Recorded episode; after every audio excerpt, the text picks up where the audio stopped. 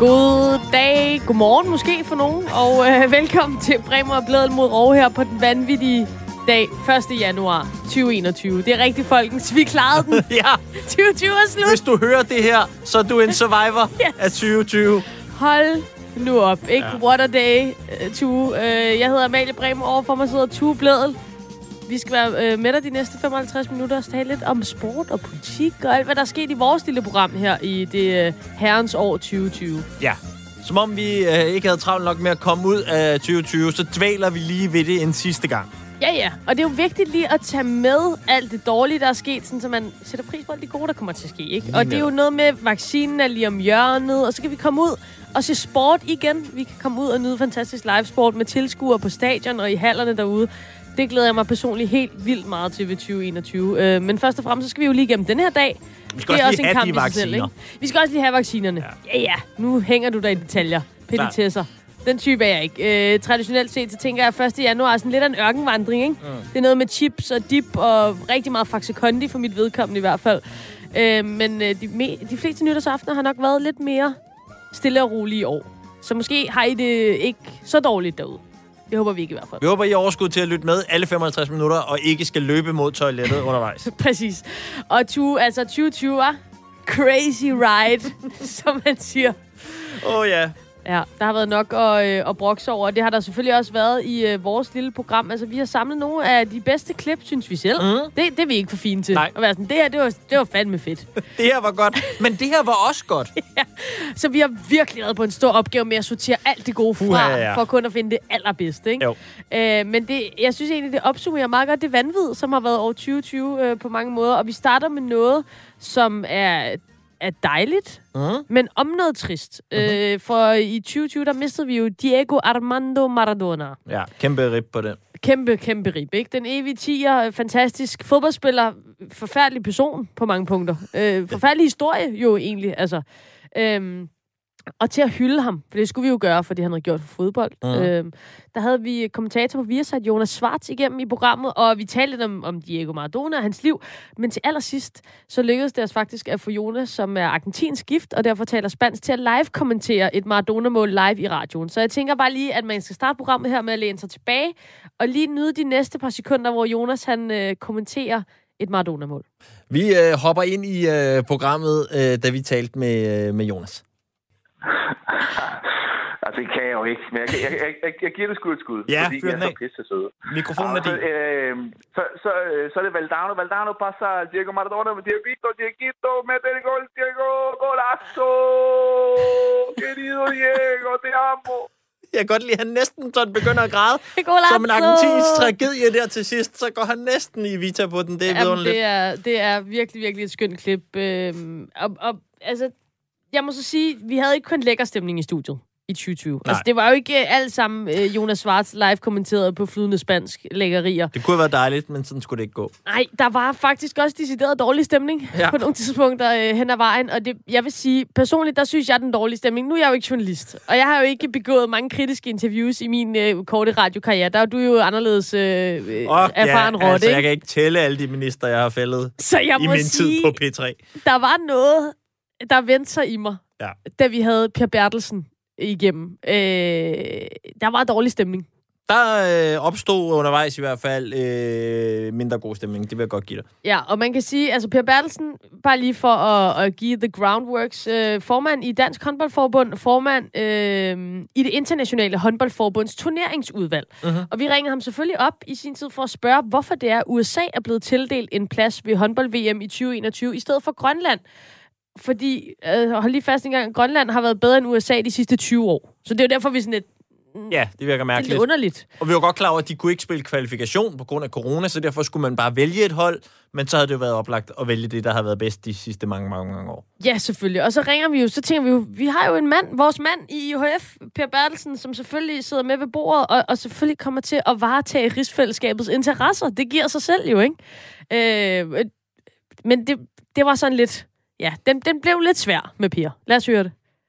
Kan du prøve at hjælpe os med at forstå, altså hvad er det for nogle sportslige argumenter, som har gjort, at USA skal med til det her VM frem for Grønland? Jamen altså, det, den, det foregår på den måde, øh, at uh, der kommer en indstilling til, til IHF's Council, altså deres bestyrelse, uh, hvor, man, hvor man lægger sagen op, og uh, der ligger så et forslag til, hvordan den skal afgøres sagen, og så alle medlemmerne, de uh, svarer så tilbage på mail, fordi det er noget, der skal gå hurtigt, og uh, den, den mail-afstemning har så gjort, at det er USA, der er kommet med, uh, og det ikke er Grønland, og det er det jo fordi, at det bliver til et... Uh, det bliver jo ikke et... Øh, altså, der er ikke spillet kvalifikationsspil, og derfor er der nogle andre ting, der, der træder i kraft. Hvad er det for nogle øh, andre ting? Jamen, så, så kan det være, være andre ting, der træder i kraft øh, i forhold til... Fordi der er jo ikke, der er ikke spillet nogen egentlig kvalifikationsturnering, som gør, at Grønland skal deltage. Der er heller ikke nogen, der har, der har, der har spillet en kvalifikationsturnering, sådan som USA skal, skal deltage.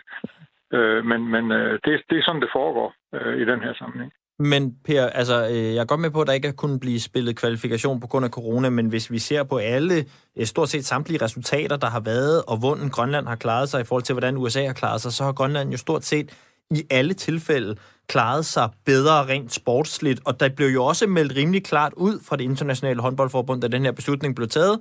Det stod jo øh, klokkeklart i pressemeddelelsen, den var blevet taget blandt andet, fordi der var nogle kommersielle muligheder i at udbrede håndbold i USA. Synes du, at det er den rigtige beslutning? Ja, nu har jeg selv været med til at træffe beslutningen, øh, og, og hvad jeg selv har, har svaret på det, øh, på det, det, skal jeg, det, det synes jeg, jeg vil lade blive for mig selv. Jeg, jeg synes, øh, der er nogle argumenter, både for og imod. Øh, der er et argument også i og med, at, øh, at USA øh, jo skal afvikle vores OL øh, i 28. Øh, og, og skal, vi skal have klargjort nogle ting dertil. Og hvis ikke man, hvis ikke man decideret har Øh, et kvalifikationsspil, så er det jo mange andre ting, øh, som, som, som spiller ind, og det er jo også den kommersielle del af det. Hvorfor vil du ikke sige, øh, hvad du har stemt, og dermed hvad du mener Nej, om den her sag? Det er, ikke, det, er, det, er, det er fuldstændig ligegyldigt, hvad jeg har stemt i den her sag. det, det synes jeg. Vi har mange sager, der bliver afgjort på den måde, og, og der går jeg heller ikke ud ligesom at fortælle. Jeg, jeg prøver at gøre det bedste for håndbold, og jeg vil også rigtig gerne gøre det bedste for Grønland. Jeg vil også gerne gøre det bedste for USA. Øh, jeg kan bare desværre ikke altid øh, til gode se alle. Nej. Og det kan de andre councilmedlemmer heller ikke. Men vil du så ikke godt medgive, at uanset hvad du har stemt på eller ej, så er det her en beslutning, som fremmer mere de kommercielle, langsigtede planer for håndbold, mere end det belønner de sådan øh, lige for sportslige resultater i håndbold?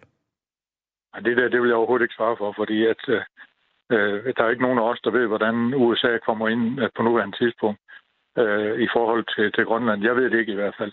Nej, altså vi ved jo lidt om det, kan man sige, fordi vi ved, at USA er i gang med øh, simpelthen helt fra bunden at rekruttere spillere til deres landshold online. Det kan man se på deres hjemmeside. De har ikke et fast landshold i, i håndbold, og, og rekrutteringsprocessen den går simpelthen ud på, at man skal sende en video af sig selv. Det skal man jo ikke gøre inden øh, i morgen lørdag, hvis der sidder nogen med amerikansk statsborgerskab derude, der kan spille håndbold. Så er den her med givet videre. Og i den video, der skal man vise, at man kan hoppe, man kan løbe, man kan kaste en bold, man kan gribe en bold. Så, så vi ved jo alligevel lidt om, hvor det er, USA står Ej, jeg, jeg, på det håndboldmæssige. Nu har, jeg, nu har jeg været... Sidste år var jeg i... Øh, hvor var jeg henne? I Georgien, og der, der spillede USA altså også dernede med et hold øh, på herresiden. Mm. Så, så, så, så de, ikke, de starter ikke helt fra scratch. Det er, jeg ikke, det er jeg ikke helt sikker på. Hvad de, hvad de ellers gør efterfølgende, det kan jeg ikke svare for. Okay, men så lad os lige vende os mod, øh, hvis, hvis man nu sidder som sportsfan, som jeg er, øh, og jeg vil gerne sidde og se et håndbold-VM med de allerbedste, det skal være på det højeste niveau. Det tænker jeg også er det produkt, man gerne vil sætte frem fra IHF. Øhm, til OL i Atlanta, der stillede amerikanerne op med et håndboldlandshold bestående af volleyball og basketspillere og, og alt muligt, der var skrabet sammen 25 år senere, så, så virker det heller ikke til, at de, de stadig har et hold. Altså, er det virkelig i håndboldens interesse at have sådan et hold med til VM? Jamen, jeg, jeg vil ikke kommentere på det der med det hold, fordi det kan jeg ikke svare dig for. Uh, jeg ved ikke, hvad det er for et hold, de vil komme til at stille med. Det har jeg ikke, det har jeg ikke nogen anelse om. Jeg har set dem nede i Georgien, uh, og, og uh, der er klart, de så i hvert fald uh, uh, hederligt uh, sidst, jeg så dem. Så, så hvad de kommer med for et hold, det skal jeg ikke svare for. Uh, jeg er også en håndboldelsker, og jeg elsker sporten. Uh, helt ud i den sidste fingerspids. Ja, mm. det gør jeg. Øh, og der, det er bare sådan, det er. Øh, og mere kan jeg ikke sige til det. Men, men Per, jeg, jeg er nødt til lige at gå tilbage til, for jeg forstår simpelthen ikke øh, argumentationen i det her med, at du ikke vil sige, øh, hvad du synes er det rigtige i forhold til, hvem der skal med. Det er jo, du er jo ansat der for at fremme håndbold. Det svarer jo til en folketingspolitiker ikke vil sige, hvad de har stemt i folketingssalen, fordi det åbenbart skal være privat. Det, jeg kan slet ikke forstå, hvorfor det er, at vi ikke må høre dine overvejelser. Jeg har også gjort mine overvejelser, og jeg har også svaret øh, IOF på mine overvejelser. Men må, må vi, Og det- må vi få håndboldfansene ikke høre det? Jeg synes ikke, det er, det er fuldstændig ligegyldigt. Der er truffet en beslutning, og den tro, tro, beslutning er sikkert truffet ud fra, ja, fra, en, øh, fra en flertalsbeslutning, eller det er den jo. Mm. Øh, flertalsbeslutning ud af de councilmedlemmer, som nu engang er. Og, og, og, og det, må jeg, det respekterer jeg selvfølgelig, at det er, det er demokratiets vej. Øh, og så kan vi, vi altid diskutere, om det er den rigtige vej eller forkert vej, eller om det er det rigtige hold eller det forkerte hold. Men øh, det er demokratiet, der, der har, der har, der har øh, der har besluttet, at det er sådan, det skal være. Og, og som council-medlem, så er jeg selvfølgelig nødt til at bakke den beslutning op, som, som øh, jeg på et eller andet niveau selv har været med til. Men kan du forstå, hvis der sidder nogle fans derude, som gerne vil se det allerbedste håndbold til sagtens VM, som forstå. er skuffet over den her beslutning? Det kan jeg godt forstå. Godt. Per, ved du hvad? Øh, vi kom lidt omkring det, tror jeg. Jeg, jeg, jeg tror sådan set, at, øh, at det var hvad... Vi ville selvfølgelig sindssygt gerne høre, hvad du havde stemt på i den her afstemning, og det tænker jeg som Det havde jeg Danmarks også, Det havde jeg repræsentant. også fornemmelsen af. Der, Det øh, der vil vi jo af. gerne høre det. Det tror jeg også, der er mange danske håndboldfans, der gerne vil høre, hvor, hvor Danmarks repræsentant mm. står i det her. Øh, men det, det vil du simpelthen ikke ud med? Nu er det, jeg sidder jo ikke som Danmarks repræsentant i, i Council. Jeg er øh, formand for turneringsudvalget og turneringskommissionen i det internationale forbund. Og af den vej rundt, så er jeg, så er jeg, øh, så sidder jeg i Council. Jeg sidder ikke nødvendigvis, for, fordi jeg kommer fra Danmark. Okay. Og hvad, hvad så lige her til sidst, når du, øh, når du møder Jørgen øh, fra Grønland næste gang? Øh, jeg tænker, der, der er så lidt dårlig stemning i rigsfællesskabet her. Det kan jeg slet ikke forestille mig. Det håber vi. Øh, det håber vi ikke, der er så. Hvad tænker du, Ja. Tue? Ja, altså, men det var jo i hvert fald ikke den, den fornemmelse, vi fik af Jørgen, da vi talte med ham. Han er jo tydeligvis mega skuffet, Per. Altså, sådan, han kan slet ikke se den der pointe, du har med at sige, at noget med USA klarer sig fint. Hederligt var det i Georgien, og derfor skal de med, selvom Grønland har haft... nu, nu begynder du at lægge ord i munden på mig i relation til, til det der. Og jeg, jeg sagde bare til dig, at det var sådan, jeg så dem sidste gang. Jeg har ikke sagt om hverken, at de er bedre eller dårligere end Grønland. Vi Jeg ved, de er sagt, dårligere, kan man er sige. bedre. Jamen okay, det er godt, I ved det. Ej, men Jeg gør, ved det ikke. Nej, men altså, det er rigtigt. Vi, vi kan jo ikke forestille os, hvis de spillede lige nu, men hvis vi kigger på alle sportslige resultater, der ligger foran os, så vil man vel Okay. sige, at Grønland er bedre. Er det ikke rigtigt? Jeg har ikke mere at sige til det, tror jeg ikke. Det er så i, øh, i orden. Ved du hvad, Per øh, Bertelsen, formand i øh, DHF, om øh, det danske, øh, om, om ligesom den danske vinkel på, på det her øh, mellem øh, Grønland og USA. Hvem skal til håndbold-VM? Det bliver USA, og nu har vi hørt øh, din mening om det. Per, tak skal du, tak skal du have. Velbekomme. Og hvis du fortryder og gerne vil sige, hvem du har stemt på, så er vores telefoner altid åben. Per er smuttet. Per var smuttet. Per out. Per var, øh, var videre, øh, nok ikke sønderlig imponeret. Øhm, og øh, det er jo så en sag, der man kan sige, øh, vi stadig ikke er kommet nærmere. Altså, vi ved stadig ikke, hvad Per stemte, øhm, og vi har stadig ikke helt fået øh, nogen til at sige, at ja, Grønland er et bedre håndboldhold, men vi har bare valgt at prioritere på nogle kommersielle interesser i stedet for. Men det blev antydet også af præsidenten i det, i det internationale håndboldforbund. Ja, og vi talte jo med, med nogle flere councilmedlemmer, også en, en, øh, en Schweizer, som, som sagde, at de har jo det her projekt, som handler om at udbrede håndbolden i hele verden, og der er USA selvfølgelig et kæmpestort marked. Altså, jamen, så må man jo stå ved det, kan man sige. Så må man jo sige, at vi går efter pengene i den her sammenhæng. Men, Ja. øh, men det, det, det kunne man heller ikke rigtig få sig selv til, og det er jo derfor, at det hele bliver lidt mudret, for at sige det mildt. Øhm, vi skal videre Ja, til, øh, til et, nyt, øh, et nyt klip. Øh, noget af det, der virkelig slog igennem i, i samfundet generelt i 2020, og selvfølgelig også i sportens verden, det var den her MeToo-bølge, Ja. som smadrede hen over kongeriget Danmark. Vi var lidt senere på den. ja, ja. Vi skulle lige, der var lidt, lidt krusninger, Og så... da det ligesom var i hele verden. Ja. Og så faldt hammeren i 2020, ikke? Øhm, og vi gik også på jagt selvfølgelig i, øh, efter MeToo-sager i sportens verden, og det kom der en del forskellige indslag ud af. Nogle øh, havde ikke lyst til at stå frem, sagde de, de havde oplevet ting og sager, men det var ligesom ikke deres tidspunkt, hvor de Mhm. følte for det.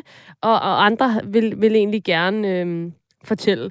Og øh, i dag der har vi valgt at spille et klip med basketballspiller, landsholdsspiller Sofie Tryggesson, som fortæller om sin oplevelse med sexisme og forskelsbehandling i basketball. Ja, i, øh, specifikt da hun øh, spillede i øh, collegebold i øh, USA.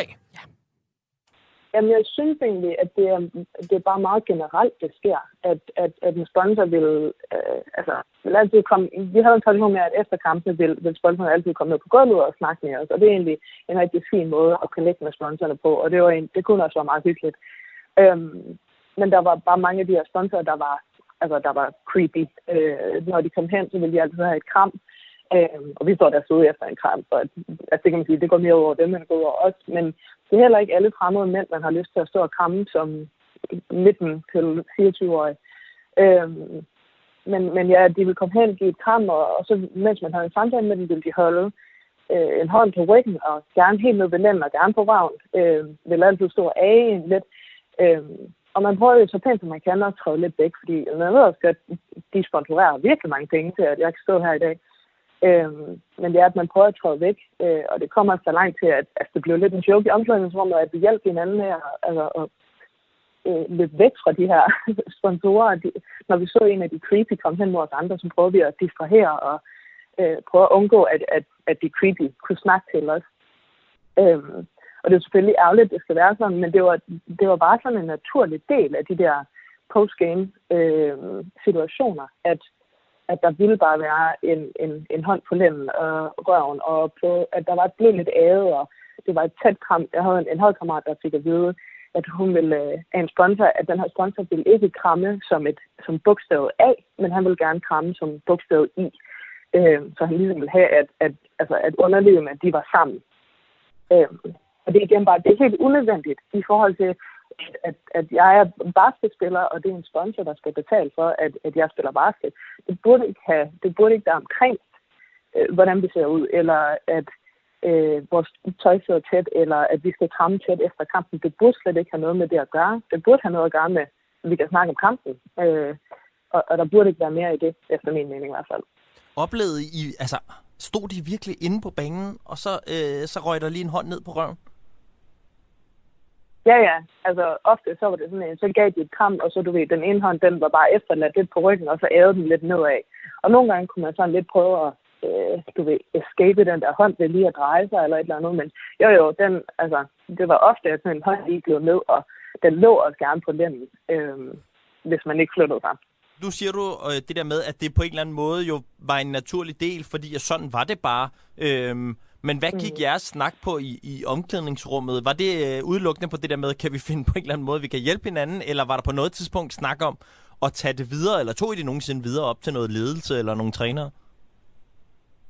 Altså, det var bare meget en, altså, en joke. Åh, oh, han er så ulækker, han kom her, og han vil ikke stoppe med at snakke i dag. Og, altså, jeg tror bare, ja, som jeg sagde, det var så naturlig en del, at vi prøver bare lidt at joke med det. Øhm, jeg ved, øh, der var nogen øh, af mine holdkammerater, der altså, som var blevet ud, inviteret ud til middag, nogle sponsormiddage, som simpelthen sagde, at det ville de ikke, fordi at, altså, de, var, de følte sig ja, ubehag, ubehag i deres selskab. Øhm, så de sagde nej til det.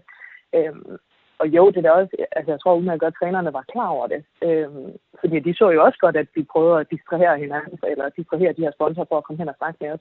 Og vi tænkte også af det. Øhm, personligt var det ikke noget, jeg selv øh, tog op med, med mine coaches. Jeg havde ikke, øh, for den, øh, det sted, hvor det skete mest, så havde jeg ikke øh, det tætteste forhold til mine coaches. Øh, og jeg tror ikke, jeg havde følt mig... Øh, der var et stort magtforhold, eller en stor magtforskel, øh, og der, jeg, havde, jeg var følt mig ikke tilpas i at tage sådan en samtale øh, med den head coach, vi havde, som også var en mand.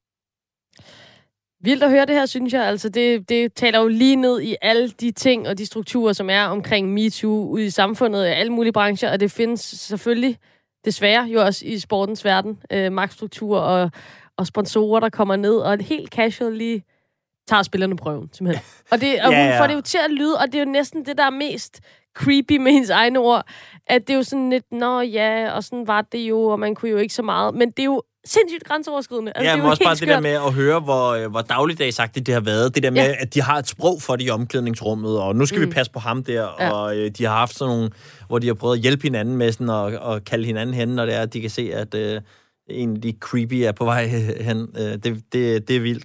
Ja, det er, det er jo hyggeligt, og ja, nu har det jo været, nu har det været så meget oppe det her med MeToo, så forhåbentlig er der jo ja, mere fokus på det, også i sportens verden, og også selvfølgelig det her med, som hun slutter af med at sige, hun følte ikke, at hun kunne gå til sine coaches, altså dem, der også er ansat for at få de bedst mulige forhold frem i spillerne, og få, ja. få, få dem til at have det allerbedste og kunne præstere. Og det tænker jeg jo ikke, man har, når man skal gå rundt og, og lege ligesom anstandsdame for sine holdkammerater, og selv lige sørge for, at man ikke bliver, bliver taget på, og så ja. videre, ikke? Altså, det er jo bare... Man kan i hvert fald sige, at jeg havde det klare indtryk, efter at have talt med Sofie, at der var ikke nogen sponsorer, der fik lov til at lave den der på hende i dag. Nej. Øhm, der er, jo- ligesom kommet altså- nye boller på suppen, Ja. og det er jo i hvert fald øh, dejligt at høre. Helt bestemt. Øhm, vi suser videre. Øh, motorsportsekspert Thomas Wulff havde vi med i programmet til at fortælle om penge i Mhm. Formel 1. I og med, at, øh, at øh, Kevin Magnussen han blev vippet ud af sporten, og der kom en øh, meget, meget, meget rig russer blandt andre øh, ind på hans sæde i stedet for. Og vi kommer ind i klippet her med et øh, super, super essentielt spørgsmål, som jeg var meget nysgerrig på, og det starter her. Thomas Wulf, Formel 1-ekspert. Øhm, jeg er sådan rimelig gennemsnitlig, måske lidt over, bilist, øh, over middelbilist, hvis jeg selv skal sige det. Og hvis jeg nu havde 10 milliarder kroner, der brændte i lommen, kunne jeg så komme til at køre Formel 1? Altså, teoretisk set ja. Øh, meget atypisk for en sportsgren på så højt niveau, men, men i teorien, ja, så er det jo det, vi jo ser, og det er også helt rigtigt rammer hovedet på sømmet. Det er, hvis man er rig nok, så kan man godt komme ud og køre Formel 1. Det er vildt, synes jeg. Altså, men og det er også jo- en motivation til at blive rigtig rig. Det er rigtigt. Øh, jeg tror ikke, der er nogen, der er tjent med, at du kommer derud, Malie. Øh, altså, men, men det synes jeg er vildt, fordi det er jo, der er jo noget helt sådan øh, modsætningsfyldt i forhold til, hvad sport går ud på, og det der med at gøre sig bedre, og så kommer man foran de andre i køen og langsomt avancerer. Helt korrekt, og det er jo selvfølgelig også i teoretisk set, så er det ja. Man kan selvfølgelig ikke være helt blottet for talent bag et ret, til trods for, jeg tror, de fleste nok er enige om, at de alle sammen hører til kategorien, der hedder over gennemsnittet. så, så kan man selvfølgelig ikke være helt blottet for evner til at køre racerbil. Men i Formel 1, meget atypisk for mange andre store øh, øh, sportsgrene, så, og øh, andre, øh, når det gælder motorsport, altså der er også andre serier, hvor det er sådan, så er det altså muligt, at penge kan købe dig vej ind. Du kan købe dig til en god bil, du kan købe dig til et godt team, du kan købe til alle de facetter, der ligger nedenunder. Det vil sige, at du har simpelthen skabt et fundament, der er stærkt nok til, at din gennemsnitlige køreevner rent faktisk tager dig lidt længere. Der er så nogle, nogle, nogle forbehold for, at der er nogle, øh, man har et superlicens, som, som gør, at man skal opscore nogle kva- point i nogle andre serier, så man kan ikke bare komme et for højre og sætte sig mm. en Formel 1 racer længere. Det kunne man i gamle dage. Så, så man, kan, man, man skal være lidt bedre end gennemsnitligt til at køre racerbil. Men faktum er, at for Kevin Magnussen lige her, så ser vi det meget isoleret igen, at han har simpelthen ikke den sponsorpakke, som det team, han nu engang var en del af, indtil øh, stadig er en del af resten af den her sæson, de skal bruge for simpelthen at have råd til at være i Formel 1, fordi det er så dyrt. Og det er problemet. Og så er der jo så, at der kommer en... Altså, hele det her øh, arrangement med, at man kan, kan købe sig til en plads, det bliver kaldt pay drivers. Og så er det så, der kommer sådan en lidt en, en, en pay driver ind fra siden. Det, det skulle være en russer, hører vi lidt på rygtebasis, som har købt sig til, til Kevin Magnusens plads. Kan du prøve at fortælle lidt om ham, og hvorfor han er så rig? nu er det hans far, der er rig, i det fald, at det falder ud til, at det er ham, jeg Nikita Mazepin, øh, som, er, som nævnes som en af dem, der skal ind og køre et af de to sæder, der bliver ledige hos, øh, hos Haas. Hans øh, far har en meget, meget stor formue, og øh, det er set før i Formel 1, øh, og er en, i Formel 1 lige nu. Vi har en øh, kører, der hedder Lance Stroll, som kører hos øh, Racing Point, og øh, hans øh, far er kanadier, meget, meget velhavende. Han har simpelthen købt en andel af det her team og købt sig ind. Det hører så til historien for Landsborg. Han rent faktisk har vundet en af de underliggende racerserier, der ligesom leder op til Formel 1. Så han er ikke helt blottet for talent. Men han, han kæmper så mod den skyggeside hele tiden, at men er det fordi din far er teamet, at du sidder i den her racerbil, eller er det fordi du leverer resultater derude? Det er også en bil, som er i den grad er god og ligesom understøtter ham som kører. Øhm, og, og det er ikke sikkert det samme vil ske hos, hos Haas-teamet hernede i forhold til denne her russer, som er, som er på vej ind. Men man, han har simpelthen nævnes og spekuleret i, at han kommer med 200 millioner kroner til det her team, for simpelthen bare at få lov at være der. Hvad er ellers nogle af de sådan lidt mere grælde eksempler på øh, folk, der øh, har øh, købt sig til en, øh, en plads i en af de her biler? Ja, men altså, det, det, det, det er lidt sådan lidt absurde i det er jo, at det er jo heller ikke unormalt, at en af de meget, meget dygtige racerkører kommer med store sponsorpakker. Mm. Øh, men det er måske, fordi det er samarbejdspartner, som de har haft igennem mange år. Nu har vi et comeback til næste sæson, sæson af en gammel dobbelt verdensmester, Fernando Alonso, en, en, en spanier, som, som, som egentlig var gået på pension, der nu kommer tilbage han har igennem årene også haft meget store samarbejdspartnere med, som er gået ind i de teams, han har været. Det er jo ikke indirekte derfor, han er der, fordi han er i den grad en kører, der fortjener at være i Formel 1. Men det er bare for at sige, at det, der skal penge til. Altså en racerbil, uanset klasse, den kører ikke på brændstof, den kører kun på penge. Øhm, så derfor er det så vigtig en del af det. Og sådan helt atypisk, hvis man hvis du nu sammenligner det med fodbold, man kan ikke forestille sig, at selvom du havde 10 milliarder øh, øh, kroner, at du kunne købe dig til en plads som den 11. mand på FC Barcelonas fodboldhold. Det er sådan en helt absurd tankegang, ikke? Jamen, jo, og, det, og så det... alligevel, når man tænker på, hvad Katar de, uh, i de her uh, år, de alligevel formår at nærmest købe hele fodboldklubber, så alligevel, alligevel ikke. Vi bliver ikke overrasket Nej. over noget længere herinde, men, men alligevel, øh, som det er i dag, så vil det jo være overraskende. Og det er måske også det, altså hvis jeg tager sådan lidt et fanperspektiv på, altså hvis man er fan af en fodboldklub, så kan man godt lide at se de bedste spillere, og at ens klub gør alt, hvad de kan for at opnå de bedste resultater. Og hvis nu jeg var fan af et Formel 1-hold, og jeg kunne se, at de fjernede en, en øh, kører, som umiddelbart var rigtig dygtig, og så kom der en, der var lidt dårligere ind, bare fordi han var rigere. Det må være enormt frustrerende. Og, og det er det jo sådan set også. Nu har vi jo naturligvis en, en national og patriotisk tanke omkring, at det, at vi har fjernet Kevin Magnussen, mm. det kan de ikke være bekendt, fordi han er jo vores mand, og det, det er ham, vi sidder med, med klaphatten og har hæber på, når han, som du helt rigtigt sagde, avancerer syv pladser på 10 sekunder, øh, øh, hver gang han laver en drømmestart. Og han fortjener at være der. Øh, og det, det, det, det er jo sådan også det, der ligesom lidt understreger, at, at Formel 1 er så dyrt at være i, så selvom man måske godt ved, at man på kan man sige, på image får et lille rap over næsen, og der vil være nogle fans, der falder fra. Nu kan man måske være, at de har været lidt iskolde og sige, okay, det er Danmark, der bor 5,8 millioner mennesker. Det går nok øh, i det store verdensperspektiv, at vi tager den lille målgruppe, men, men, men, de, men det er rigtigt, at, at selv til trods for det, så har de sagt, at de her penge de er så vigtige, for ellers er vi slet ikke. Så det er et spørgsmål om at være i Formel 1 eller ikke være i Formel 1. Så det er ikke så meget om, vi kan godt lide Kevin Magnussen, han er sikkert en, en dejlig person og en god kører, vi har haft ham i fire år. Vi mangler bare lige et par hundrede millioner på bundlinjen, og det er svært at køre sig til i øjeblikket, når vi så også bygger en racerbil, som er helt vildt håbløs samtidig. Jamen altså, øh, Formel 1, som jo er en skør, skør verden. Altså er det ikke det? Jeg ved ikke, jeg kan lide at se alt sport. Ja. Jeg kan sætte mig ned, og hvis der ikke er andet, så ser jeg gerne dressur, eller curling, eller Formel 1 selv. Men Formel 1 er en af dem, som altid er svær at sætte sig ind i, ikke? Og eller leve sig ind i. Måske. Det virker i hvert fald som om, det er et sportsgren, hvor også jo, at det skal jo også komme igennem kærligheden til biler. Ja. Yeah. Og der kan man sige, altså, nu ved jeg jo, du ruller en op. Jeg kan godt lide og det min siger jo alt om, Volkswagen op. at du jo ikke har den store interesse i biler. Nej, men den har fire hjul, og den kører mig fra A til B, og ja. det er skønt. Og det gør øh, Kevin Magnusens bil så også knap og nap. Jamen, det er også mere det. Ja, altså. Øh, og, og, men det er en meget stor del, del af Formel 1, og det kan være, det er noget af det, vi skal blive lidt klogere på i det kommende år, fordi hold op, det, det er meget underligt. Så der, de bruger så mange penge, han snakker over så mange, meget om pengene her, Thomas, og så alligevel, så de kommer ikke igennem halvdelen af løbende. Det er jo sindssygt. Altså, så må de udgå, og så valgte de et forkert dæk, og så... Det, det er meget mærkeligt. Skal lade være med at køre ind i hinanden. Det vil også hjælpe på det. Men ja. det gør det til gengæld ikke så sjovt at se på. Nu, Tue, skal vi til noget, som onde tunger måske vil kalde kontroversielt på vores vejen. Mm.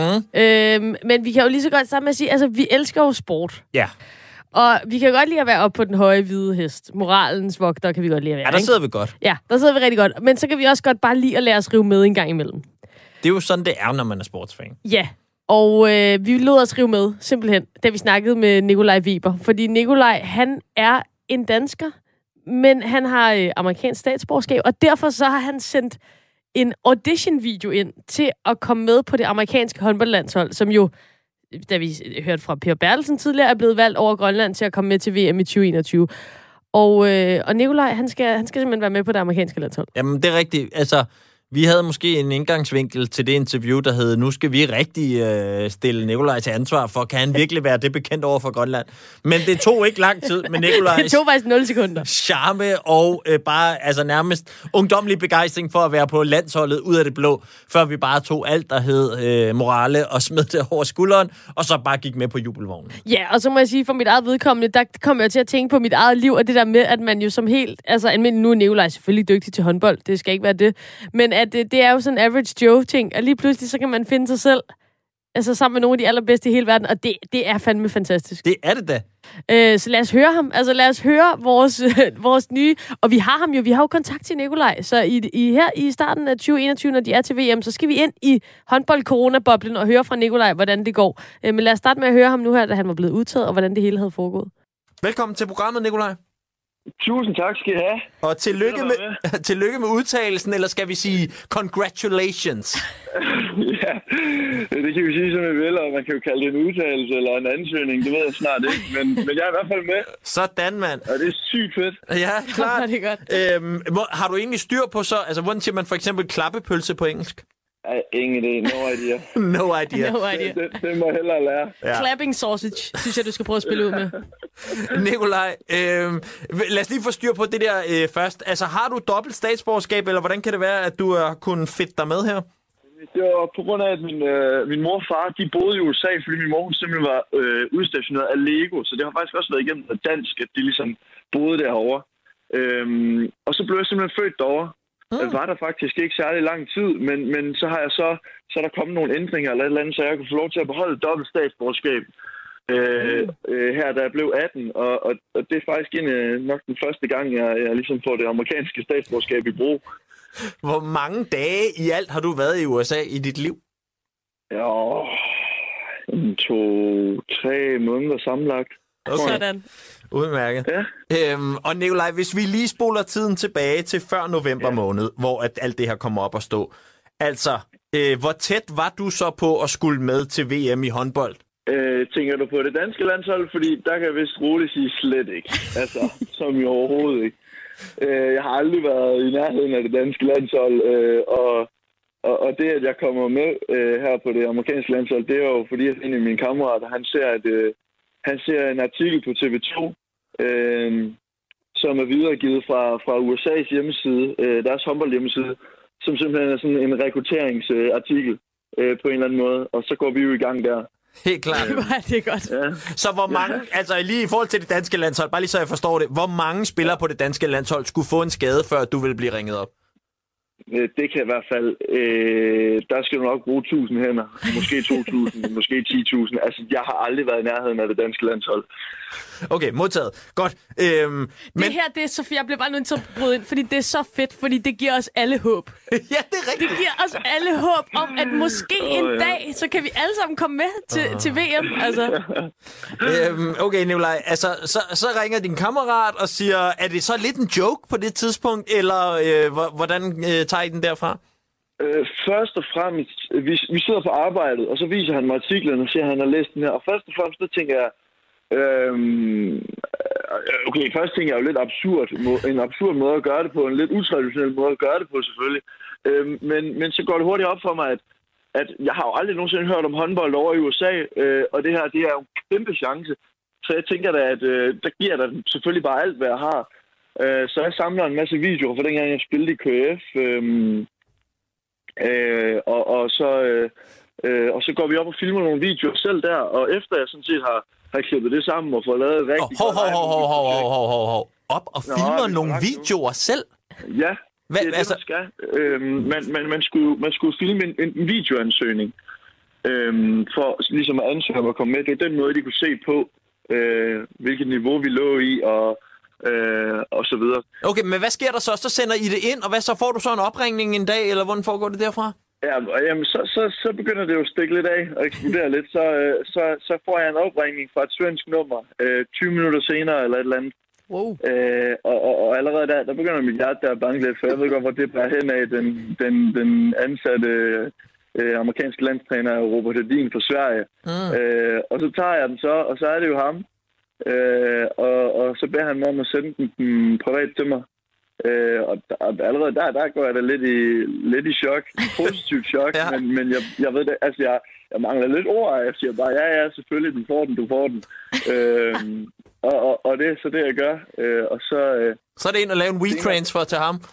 lige nøjagtigt, så, så får jeg gjort det øh, til hans private mail. Og så øh, senere samme aften, så er der en, øh, en, en, et amerikansk nummer, der ringer til mig, som, som er en, der hedder øh, Emily, som sidder over i USA og kigger på nogle, nogle atleter og så, og så videre. Og så siger hun, at øh, stiller hun mig en masse spørgsmål om øh, sådan håndboldmæssige spørgsmål, og hvor, øh, hvor høj jeg er, hvor meget jeg vejer, hvilken hånd jeg spiller med, og position osv. osv. Øh, og så lige hun lægger på, så, så spørger hun, øh, okay, hvilket nummer vil du gerne spille i? Øh, og der tænker jeg bare, okay, Det var fandme vildt. Stærkt. Den har jeg ikke lige regnet med på sådan en lørdag aften, hvor jeg bare lige har været ude og hygge med en af mine venner og sådan noget. Så. og så får jeg den, og, så, og, og, og der, der går jeg jo endnu mere chok end det første opkald.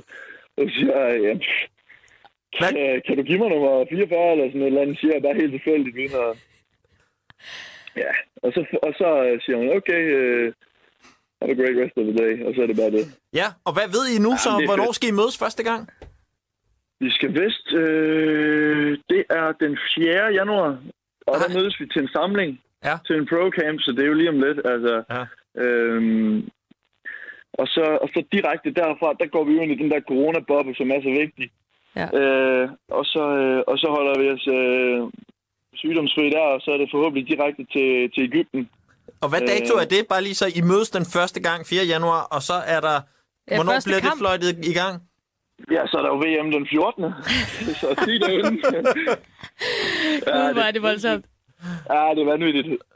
Nå, vildt nok. Øh, okay, men altså, hvor mange tæv får I, når I kommer derned?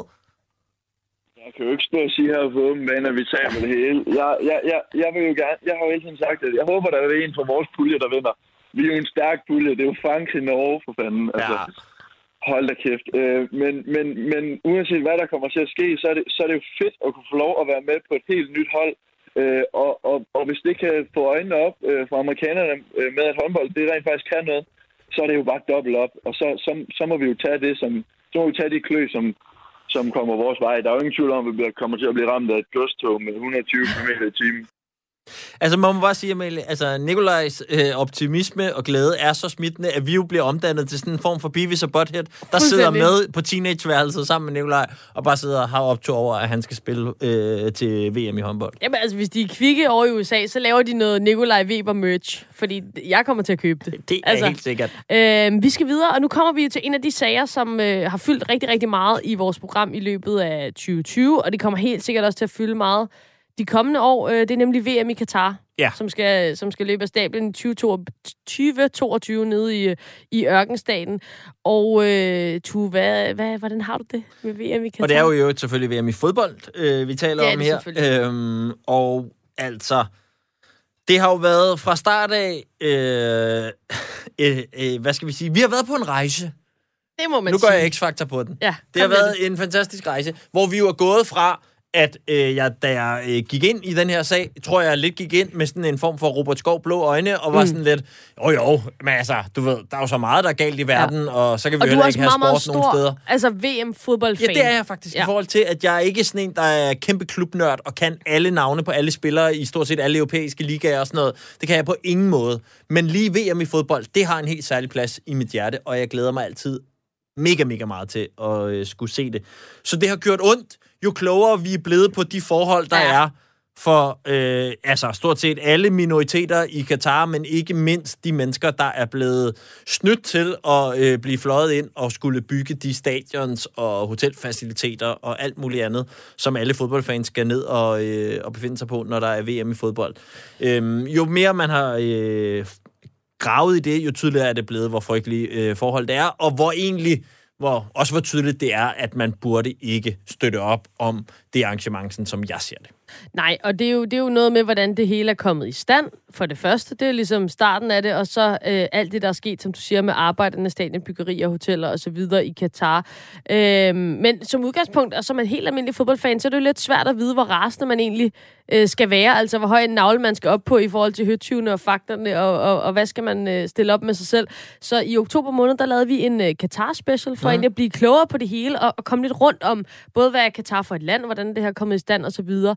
Og en af dem, vi havde i øh, panelet, det var journalist på Ekstrabladet, Jan Jensen, som har øh, arbejdet rigtig, rigtig meget med VM i Katar, generelt med sportspolitik, korruption og så videre. Øhm, og jeg synes egentlig bare, at vi skal høre, hvad han har at sige om, øh, om VM i Katar og hans oplevelser med øh, det arrangement. Ja, også fordi han er jo en af de få, der er lykkes med at øh, komme til Katar ja. og også øh, få smuglet sig selv ind i øh, en af de her, øh, øh, hvad skal vi kalde det, om ikke arbejdslejre, så i hvert fald lejre, hvor de her arbejdere, de bor ude i, øh, i ørkenen. Ja. Det er, det er svært at komme ind. Der er mange journalister, som er blevet anholdt øh, uden for de her lejre, når de har forsøgt at komme ind. Og det har vi så lært af, øh, og det havde jeg lært af i hvert fald, da jeg var dernede sidst sammen med fotograf Lars Poulsen. Så vi har allieret os med Nepalesi. Der er en nepalesisk fagforening, som, øh, som arbejder, gør et stort stykke arbejde, og som så arbejder, kan man sige, under jorden i, i Katar fordi fagforeninger er ikke tilladt. Øh, og, og så dem hørte vi en aftale med, og de kom så og hentede os øh, når, efter mørkets frembrud øh, på vores hotel, og så kørte vi en time, halvanden ud i ørkenen, og så kommer man pludselig ud til noget, som man ikke tror eksisterer. Øh, en, en, en, en lukket by med øh, flere hundrede tusind øh, migrantarbejdere. Og øh, så cirklede vi rundt, øh, og havde folk indenfor, som kunne fortælle, hvor er vagterne, og hvor, hvor, hvor er der et hul, hvor man kan slippe ind i, i de her lejre. Og da vi så kommer, kommer vi så ind i sådan en lejr, og så kommer vi ind til nogle barakker i nogle rum, uden vinduer. Altså der er en dør, og så er det det, det. Og så er der et rum, og så er der nogle køjsenge, køjesenge, og så er der, der er måske øh, otte køjesenge, og så er der 10 eller 12, der bor derinde. Så kan man så selv øh, tænke, hvordan sover de så? Men der var heller ikke noget vand, der var ingen aircondition. Og der, der var, øh, og toiletforholdene, for jeg ikke at tale om det, var jo ganske, ganske forfærdelige. Og så kan man godt sige, hvor, hvor laver I mad? Så tager de også med hen i et rum, i sådan et fællesrum, de har, og der står så nogle sække med løg og nogle sække med ris. Det er så, hvad det er. Og, og så spørger man, hvad, hvad, altså, hvad, hvorfor køber I ikke noget mad? Jamen, vi har jo ikke fået løn de sidste to-tre måneder. Flere af dem sad, sad og ventede på at kunne komme hjem, men det kan de jo ikke, fordi de ikke har deres øh, visum øh, udrejsevisum, og de ikke har deres pas, fordi det inddrager arbejdsgiverne. Det er det system, som de kalder kafale, og det er jo et slavelignende system. Vildt at høre, altså på alle måder, øh, Jan Jensen i Katar, og, øh, og hvordan de her kafala-slaver, kan vi jo godt kalde dem. Mm. Vi, vi har jo, vi har jo øh, talt med folk, som har forstand på den slags, og som siger, at det er altså moderne slaveri, det her, så, så det kan vi jo godt øh, kalde dem, og det, det er sindssygt. Og hvis man har lyst til at blive endnu klogere på Katar, så kan vi altså varmt anbefale den special, vi lavede tilbage i oktober. Den er stadig at finde inden, hvor du finder din podcast. Der har vi også besøg af blandt andet øh, mellemøstforsker Lars Aslev Andersen og sådan noget. Så vi kommer hele vejen rundt om øh, Katar i den lille time. Og øh, apropos Katar, så er der jo altså øh, noget af det, som fik mig til at blive ekstra, ekstra rasende. Det var, da jeg var i landsholdslejren. Mm. Og jeg ved, det er jo noget af det, der gør mig meget ked af det, og det gør dig meget glad. Fordi du, du synes jo, det er sjovt at høre de her ting. Fordi jeg talte jo for eksempel med Robert Skov, ja. som, øh, som jeg jo godt kan lide. Fordi jeg er jo fan af den klub, der hedder FC København hvor han har været rigtig dygtig. Og så går jeg jo op i landsholdslejen, og jeg er glad for Robert Skov, og jeg er rigtig glad for det danske landshold i mm. fodbold. Og, øhm, og for mig var det jo en stor ting at komme op i landsholdslejren og skulle ja, ja. stille spørgsmål til de her mennesker, og ligesom jeg, jeg tror, min mission på en eller anden måde var at få en, en menneskelig tilgang. Altså ikke, hvad siger du som øh, DBU-repræsentant, eller hvad siger du som mm. repræsentant for Hoffenheim, eller Dortmund, eller hvor du nu ellers er. Men hvordan, hvordan føles det nede i maven, alt det her Katar noget? Ikke? Det var ligesom det, jeg gerne ville øh, spørge de gode mennesker om derop. Og, og jeg bliver jo helt død indeni, når jeg tænker på det nu. Altså, jeg vidste Jamen, du var, fuldstændig. Du var så slukket, da du kom hjem fra det besøg. Altså, ja. Jeg sad, øh, og jeg skulle køre hele vejen hjem fra Helsingør med vores fantastiske producer Kasper, som var med derop, og der var helt stille inde i bilen. Ja. Og han var sådan helt, er du okay-agtig? Og det var jeg ikke. Jeg var Nej. rigtig ked af det. Du var knust. Simpelthen. Øh, lad os høre, hvordan det gik, da jeg prøvede at få en eller anden form for holdning ud af øh, den kære Robert Skov op i landsholdslejren. Du sæt klippet på og stik den sidste kniv i hjertet på mig. Hold dig for ørerne, Amalie. Det kommer her. Hej Robert. Hej. Øh, Amalie Bremer fra Bremer og Blædet mod Rov på Radio 4. Ja, hej. Øhm, jeg er sådan lidt i tvivl med det VM i, øh, i Katar der, der, der, der er fremme foran os. Øh, jeg kan ikke rigtig finde ud af, hvad vi skal stille op med det. Hvad, hvad gør du? Hvad tænker du om det hele? Åh, oh, ja. Det, er- det er et godt spørgsmål. Øh, det er selvfølgelig, det er selvfølgelig lidt- lidt svært at svare på nogle gange. Øh, ja, der er jo nogle ting, man ikke helt øh, ved, hvad der er op og ned. Øh, men øh, ja, der, der bliver gjort en masse ting for, at øh, forholdene er så gode som muligt, og det må man stole på, at øh, der bliver gjort et godt nok arbejde for. Men hvad, altså, det, det, det, er sådan, øh, din, din holdning, at det, det, det er ikke noget, du sådan personligt tager stilling til. Altså, hvad, hvad er din, din egen helt personlige følelse omkring det, man, du, du, du hører og læser vel også, hvad der foregår Ja, dernede? men jeg er ikke 100% sat ind i tingene, men det jeg har læst, som du siger, det er jo, at der er nogle, nogle forhold, som, øh, som ikke har været øh, helt i orden, øh, og nogle vilkår, som øh, ja, højst sandsynligt ikke var øh, lever op til de standarder, vi kender herhjemme. Øh, og jeg ved, der er blevet gjort en masse arbejde for, at der ligesom bliver stillet nogle øh, krav til, at det bliver gjort ordentligt. Ja. Jamen altså, Han starter med at sige, at det er svært at svare på, og det skal jeg da lige love for. For han svarer ikke på det overhovedet som helst. Noget sted, punktum, slut, øv, øv, bøv for det. Der er ikke meget livsløst øh, på drengene deroppe, og det, det Nu, tænker jeg også, godt gå vi skal lidt mere med. I den, ikke? Ja, det er det, vi skal arbejde med i 2021. Jeg tror, vi må, vi må tage på besøg deroppe en gang mere, og Ja. lige øh, trykke dem på maven en ekstra gang. Men en af dem, vi også skal høre øh, øh, på deroppe fra landsholdslejren, der var deroppe, det er jo Morten Vikhorst, som er øh, assistenttræner. Lad os lige høre, hvad er hans øh, holdning til Katar. Jeg vil gerne starte med at spørge dig til, til det her VM i Katar, der kommer tættere og tættere på. Mm. Øhm, jeg er selv meget i tvivl, øh, hvordan jeg skal sådan forholde mig. Øh, hvad, hvad tænker du? Hvad gør du med det? Først og fremmest så tænker jeg, at nu vi skal kvalificere os jo. Så skal vi derud. Så skal vi helt sikkert derud. Øh, Jeg kender godt debatten om, omkring, øh, der er nogen, der mener, at øh, fordi der bliver, bliver gjort nogle, øh, nogle anderledes ting i Katar, og nogle ting, som vi som danskere føler er, er, er væk fra vores værdier, øh, så skal man blive væk, så skal man boykotte, og det er jeg ikke tilhænger af. Øh, det er ikke fordi, jeg er tilhænger af alle ting, der bliver gjort i Katar og deres samfund, men jeg er ikke tilhænger af at blive væk. Jeg mener mere, at man skal, øh, man skal tage sted, og så skal man vise, hvad vores samfund består af. Øh, hvilke værdier vi har. Øh, vores kvindesyn for eksempel. Og så skal man promovere det. Øh, og så skal man få dem til at øh, forhåbentlig at få en debat. Jeg ved godt, at nogle steder kan det være svært, men, men af den vej skal man prøve at, at forme tingene og, og give sin mening til kende. Det, er, det mener jeg er en bedre, bedre løsning, en bedre model. Jeg har også svært ved at sige, hvor er det så i orden at tage afsted hen øh, og, og spille en slutrunde eller deltage ved et O eller hvad det er. Øh, fordi der er efterhånden mange steder i verden, hvor man gør tingene øh, markant anderledes, end, end vi er vant til i Danmark. Hvordan er det sådan helt konkret, man kan tage afsted og så for eksempel vise vores måde at, at, at behandle kvinder på frem for, frem for deres måde? Altså, hvordan gør man det? Man, man kunne for eksempel have nogle kvinder med i delegationen, øh, og ligesom at vise, at det, øh, det, det kunne også godt være en kvinderolle, øh, som det jo er i, i Danmark. Øh, så det, det, det kunne være en konkret øh, måde at vise det på. Og ellers så er det jo en, et spørgsmål om holdninger. Altså hvis man er lidt dygtig, så kunne man jo godt øh, være med til at promovere holdninger og, og, og give interviews og, og snakke om de her ting. Øh, jeg er sikker på, at der er nogle institutioner, der kan være med til at, at, hjælpe det, det budskab på vej. Øh, snakke om det. Øh, selvfølgelig skal man være diplomatisk, fordi det nytter heller ikke at komme vadende med, med træsko ind i, i folk, øh, når de har markant andre holdninger. Det kommer der sjældent noget ud af, men, men være fast i, i de ting, man tror på, og det man, øh, øh, de værdier, man har, og så øh, være lidt dygtig til at, at promovere dem og snakke om dem på den rigtige måde, og så, så øh, andre kulturer kan få øjnene op for, at, at sådan kan man også leve. Er det mig, der er uelegant, eller når det handler om menneskerettigheder, er man så ikke i sin gode ret til at vade ind i folk med træsko?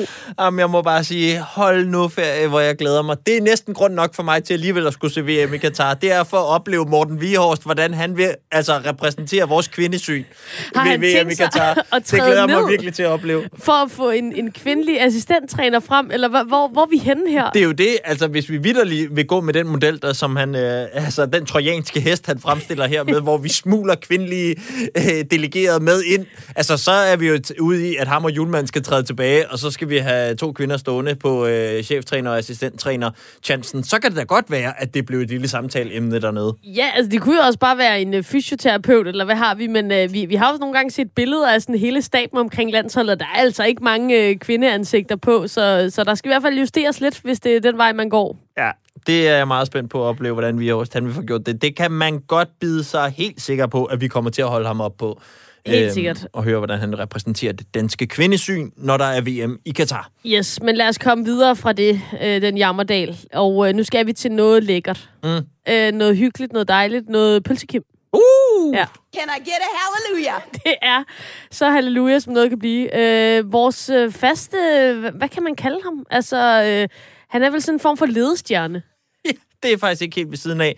Øh, ham, der giver den hårdeste efterkritik af programmet, og som også er fast lytter. Ja. Og som jo er øh, fastlægger. Øh, han har en fastlægger pølsebåd øh, lige øh, ved Aarhus øh, Banegårdsplads. Yes, lige præcis. Og han er jo, udover at han er god til at sige til os, når vi er gode eller dårlige, så er han også god til at give nogle rigtig, rigtig fede input i forhold til de emner, vi øh, ruller med her i programmet. Og lad os lige høre et lille potpourri, tænker jeg, af, af Pølsekim anno 2020, og hvordan han ellers har rullet sig ud her i Bremer og blevet mod Rå. Og i det her program, der diskuterer vi jo, om, om Danmark skal til, tage til Hvide Rusland. Der er jo et diktatur, og hvor man bliver sat i fængsel for at sige sin mening og sådan nogle ting. Skal Danmark tage til VM i ishockey, der afholdes der næste år?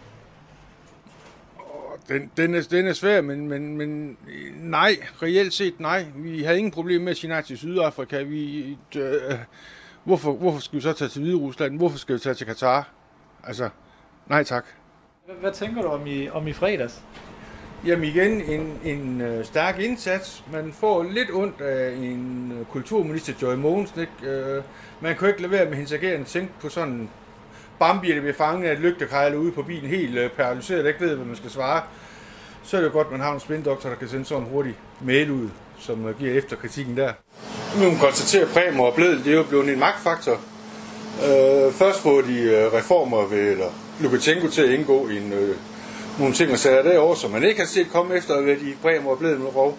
FCK trækker sig nu. Det, altså, vi har virkelig med en magtfaktor at gøre nu i, i dansk journalistik. Hvad synes du så om, at Pia Holmen hun er tilbage i uh, toppen af europæisk svømning? Svarer det ikke lidt at sætte Britta Nielsen til at stå for udbetaling et eller andet foretagende? Godt nok ulønnet, det var lidt over hendes argument. Det var ulønnet arbejde, men det var stadigvæk også... Altså, hun er ikke egnet til det der på noget plan, og så er det ulønnet. Det er ikke et argument. Hvem kan du bedst lide, Amalie eller Tue?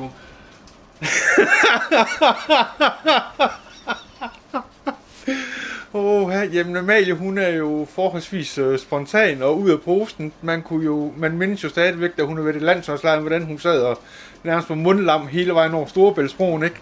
Og så til efter Sveriges kamp, da hun skulle se den, hvordan der var en begejstring tilbage igen. Så der er noget spontanitet ved hende, og ja, jamen Tue, han var bare en god fyr. Og, øh, og så, hvilke øh, sportsstjerner har, har besøgt din pølsevogn her? Altså, David Nielsen har været herinde en enkelt gang. Øh, Jeg tror, det er ved at være det, jeg har haft herinde. Hvad jeg ved. Der misforstår han spørgsmålet. Vi sagde sportsstjerner. Ja. Øh, men øh, det, kan, det kan jo ske. Der er travlt i sådan en pølsevogn. Det er det. Tu, du er en øh, god fyr, ifølge Bølskim, og øh, vi ruller tager jeg videre. Øh, en af de tidspunkter, hvor du var en rigtig god fyr i vores program, det var, øh, da du holdt en tale imod var. Ja. Simpelthen. Vi kan ikke øh, pakke det ind. Det var, øh, det var for mig et smukt øjeblik, øh, og noget, som øh, tænker peger ind mod 2021, hvor et var gerne skal stramme lidt op. Lidt op. Vi håber, at øh, talen kan være med til at øh, bringe det frem. Okay. Jamen altså, øhm, så lyder det nogenlunde sådan. Ej, der bliver bygget op. Det er Ja, altså ja. dejligt. Jeg glæder Altså, kom med det. Okay. Kom så. Ikke hold dig tilbage nu. Det var, så du hvad jeg gjorde der, så godt engang. Den gang, hvor fodbold var et af de få steder, hvor jeg kunne give slip og lade rå barnlig glæde strømme ud af min ellers livstrætte indebrændte farkrop.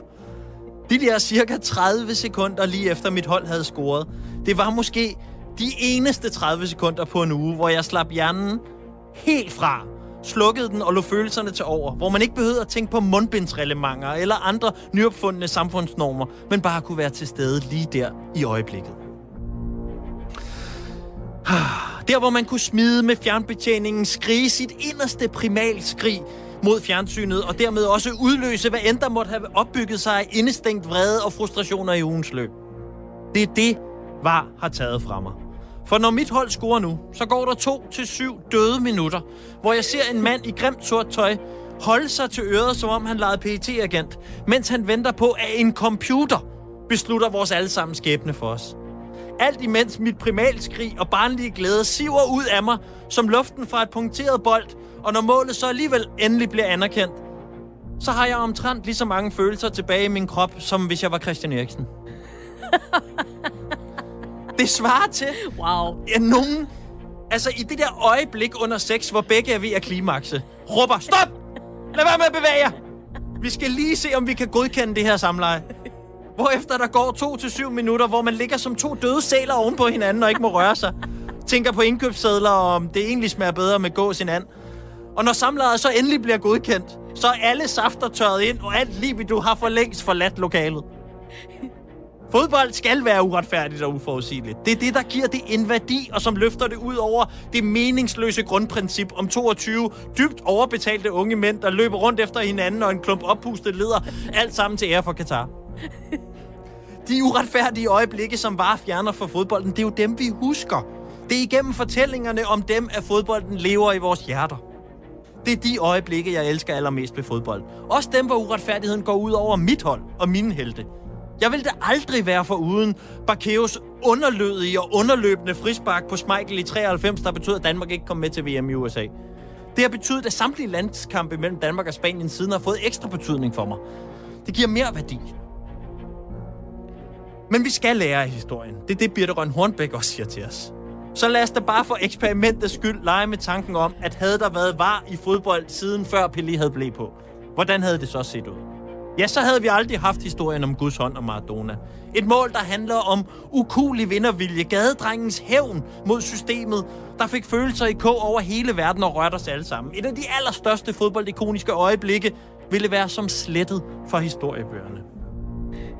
Havde VAR aldrig været der, eller rettere sagt, havde VAR altid været der, så havde vi aldrig fået det gudsbenåede udtryk Phantom Tor, der opstod, da Bayern München-spilleren Thomas Helmer i april 94 skyder bolden i mål via sidenettet, uden dommeren lægger mærke til det, og sikrer sit hold sejren over FC Nürnberg. Phantom Tor. Ja, det er ikke det eneste historiske udtryk, vi vil være blevet frarøvet af VAR. For havde VAR fandtes den dag i Jødeborg i slut juni på Ulevi Stadion, så var der blevet dømt frispark på Andreas Breme, og faktisk havde aldrig ramt den lige i røven. Og VAR havde uden tvivl også overset, at Kim Vilfort er fodboldens største gentleman, og så alligevel døbt Hans på hans 2-0-mål i finalen. Og så, mine damer og herrer, så havde Danmark aldrig nogensinde vundet EM i fodbold. Danmarks største sportsbegivenhed nogensinde havde været forsvundet. Og hvad der er endnu værre, så havde vi aldrig nogensinde oplevet Flemming Toft føde dette udtryk. Og det ser ud som om, det er slut. Det er slut. De har gjort det igen. Det danske fodboldlandshold. Dansk fodbold. Største triumf er en kendskærning. Cifrene har vi her. John Jensen, Kim Vilfort, målscorerne 2-0 over verdensmestrene i denne EM-finale. Og sådan ser det ud, når man har det godt. Tillykke Danmark. Både til dem her i Ullevi, Ja, Så tak fordi aldrig- I kom til min TED-talk. Ja, hvor er det smukt. Hvor er det smukt. Nå, jamen altså, det var øh, bare lidt af de genialiteter, vi har øh, produceret for jer i øh, året, der er gået. En brøkdel. Ja, ej, vi glæder os øh, mega meget til at øh, være i jeres ører, også i øh, dette 2021 fredag efter fredag på Genhør.